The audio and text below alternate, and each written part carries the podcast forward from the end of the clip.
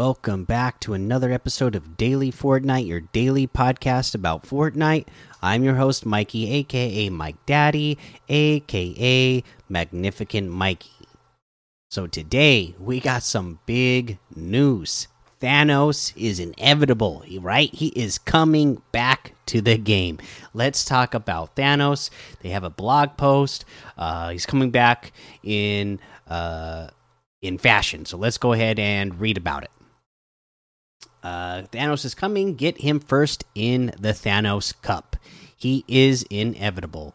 Three years after his LTM debut in Fortnite, Thanos arrives in the item shop for the very first time. Beginning at 8 p.m. Eastern on June 26, 2021, you can play as the Mad Titan himself, even equipping the Infinity Gauntlet back bling inspired by Marvel Studios' Avengers Endgame, completed with all six Infinity Stones. Uh, and like they said here, the, the LTM was three years. I can't believe it's been three years already, but the LTM was three years ago. And oh, you know, back then people were excited. People thought, oh, we're gonna get the Thanos outfit in the game. And yeah, we've been waiting ever since then. And finally, uh, like they said, he was inevitable, and uh, he has indeed arrived, and looks fantastic. I mean, you're looking at him on the screen, so if you're watching on YouTube, so you know how good he looks. Uh, but let's get into some more details about the cup. Uh, Thanos Cup. Before Thanos arrives in the item shop, players will have the opportunity to get his outfit and back bling inspired by Marvel Studios' Avengers Endgame first by competing in the Thanos Cup on June 21st. Grab your duos partner and compete in up to 10 total matches in three hours to earn as many points as you can. The top performing teams in each region will earn the Thanos outfit and back bling inspired by Marvel Studios' Avengers Endgame. For anyone who earns 8 total points, you'll receive the Thanos Watches spray. Note, it may take several days before prizing can be rewarded to all players. In order to participate, players must have an Epic account at level 30 and 2FA enabled on that account. For complete tournament details and participation requirements, check out the Thanos Cup official rules.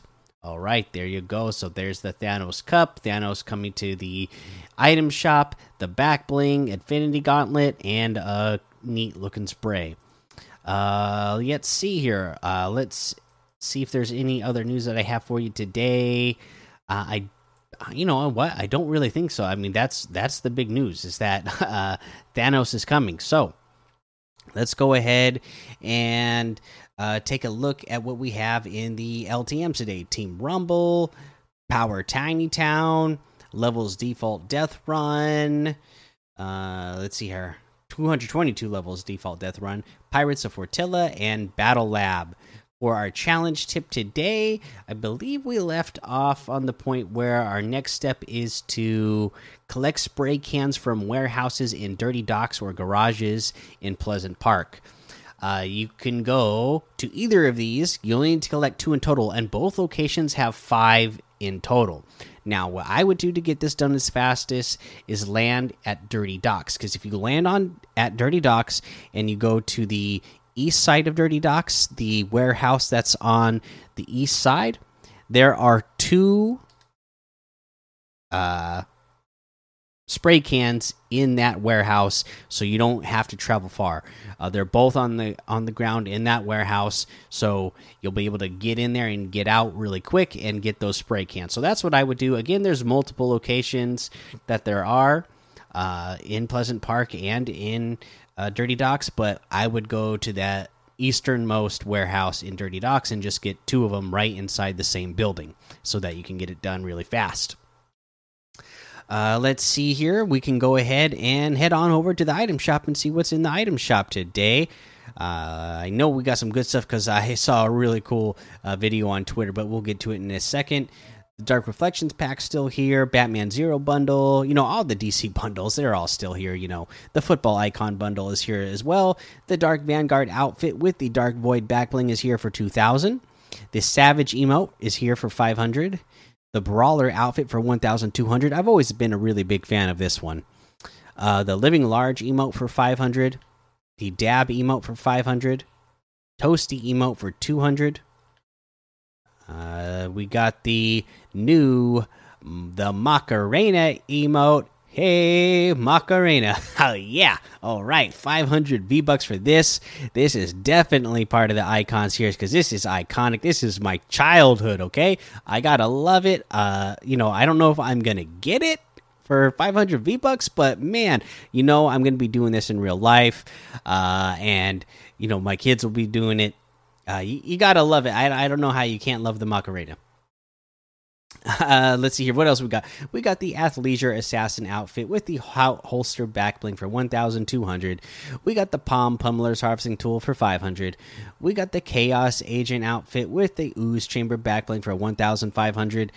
Uh, we have the chaos scythe harvesting tool for uh, 800. We got the black ooze wrap for 500.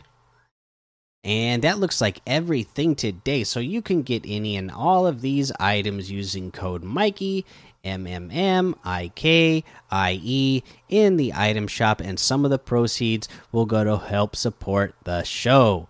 Okay, let's go ahead and we can talk about our tip of the day. And you know what? I don't think I even mentioned this fact, so I figured I, I figured today I better at least mention uh, on the podcast where I'm sure most of you already know. But you know, We've been talking about the IO guard bases and going there a lot. Well, you know what else is there? We we talked about they they got the permanent launch pads, but they also have turrets there. So take advantage of those. Again, those were uh, some items that they used to be in the game. Uh, for any of you who didn't play in chapter one, you missed out on this turrets used to be traps okay just the way you would place down a launch pad or uh uh you know the the bouncers when we had them or uh traps you know the the turrets you you picked them up just the same way you pick up launch pads and you place them just the same way you place them on a build. And they're so strong. Uh, so if you can find a IO guard base to hold for yourself, especially if it's in a circle towards the end game, and you can hold a turret, oh my goodness, you are sitting pretty. You're going to get so much damage done. You're going to just, you know, melt right through players. You're going to uh, destroy players' builds. They're going to be wasting so many builds just trying to keep themselves alive, uh, you know, from being hit by the turret from you. So, uh, especially, I mean, if you're playing right now in a, any team mode and you have uh, a player who can protect you while you're on the turret, uh, you know, you, you, that team is going to be just so dominant. Imagine a full squad holding an IO IO guard base with somebody on the turret.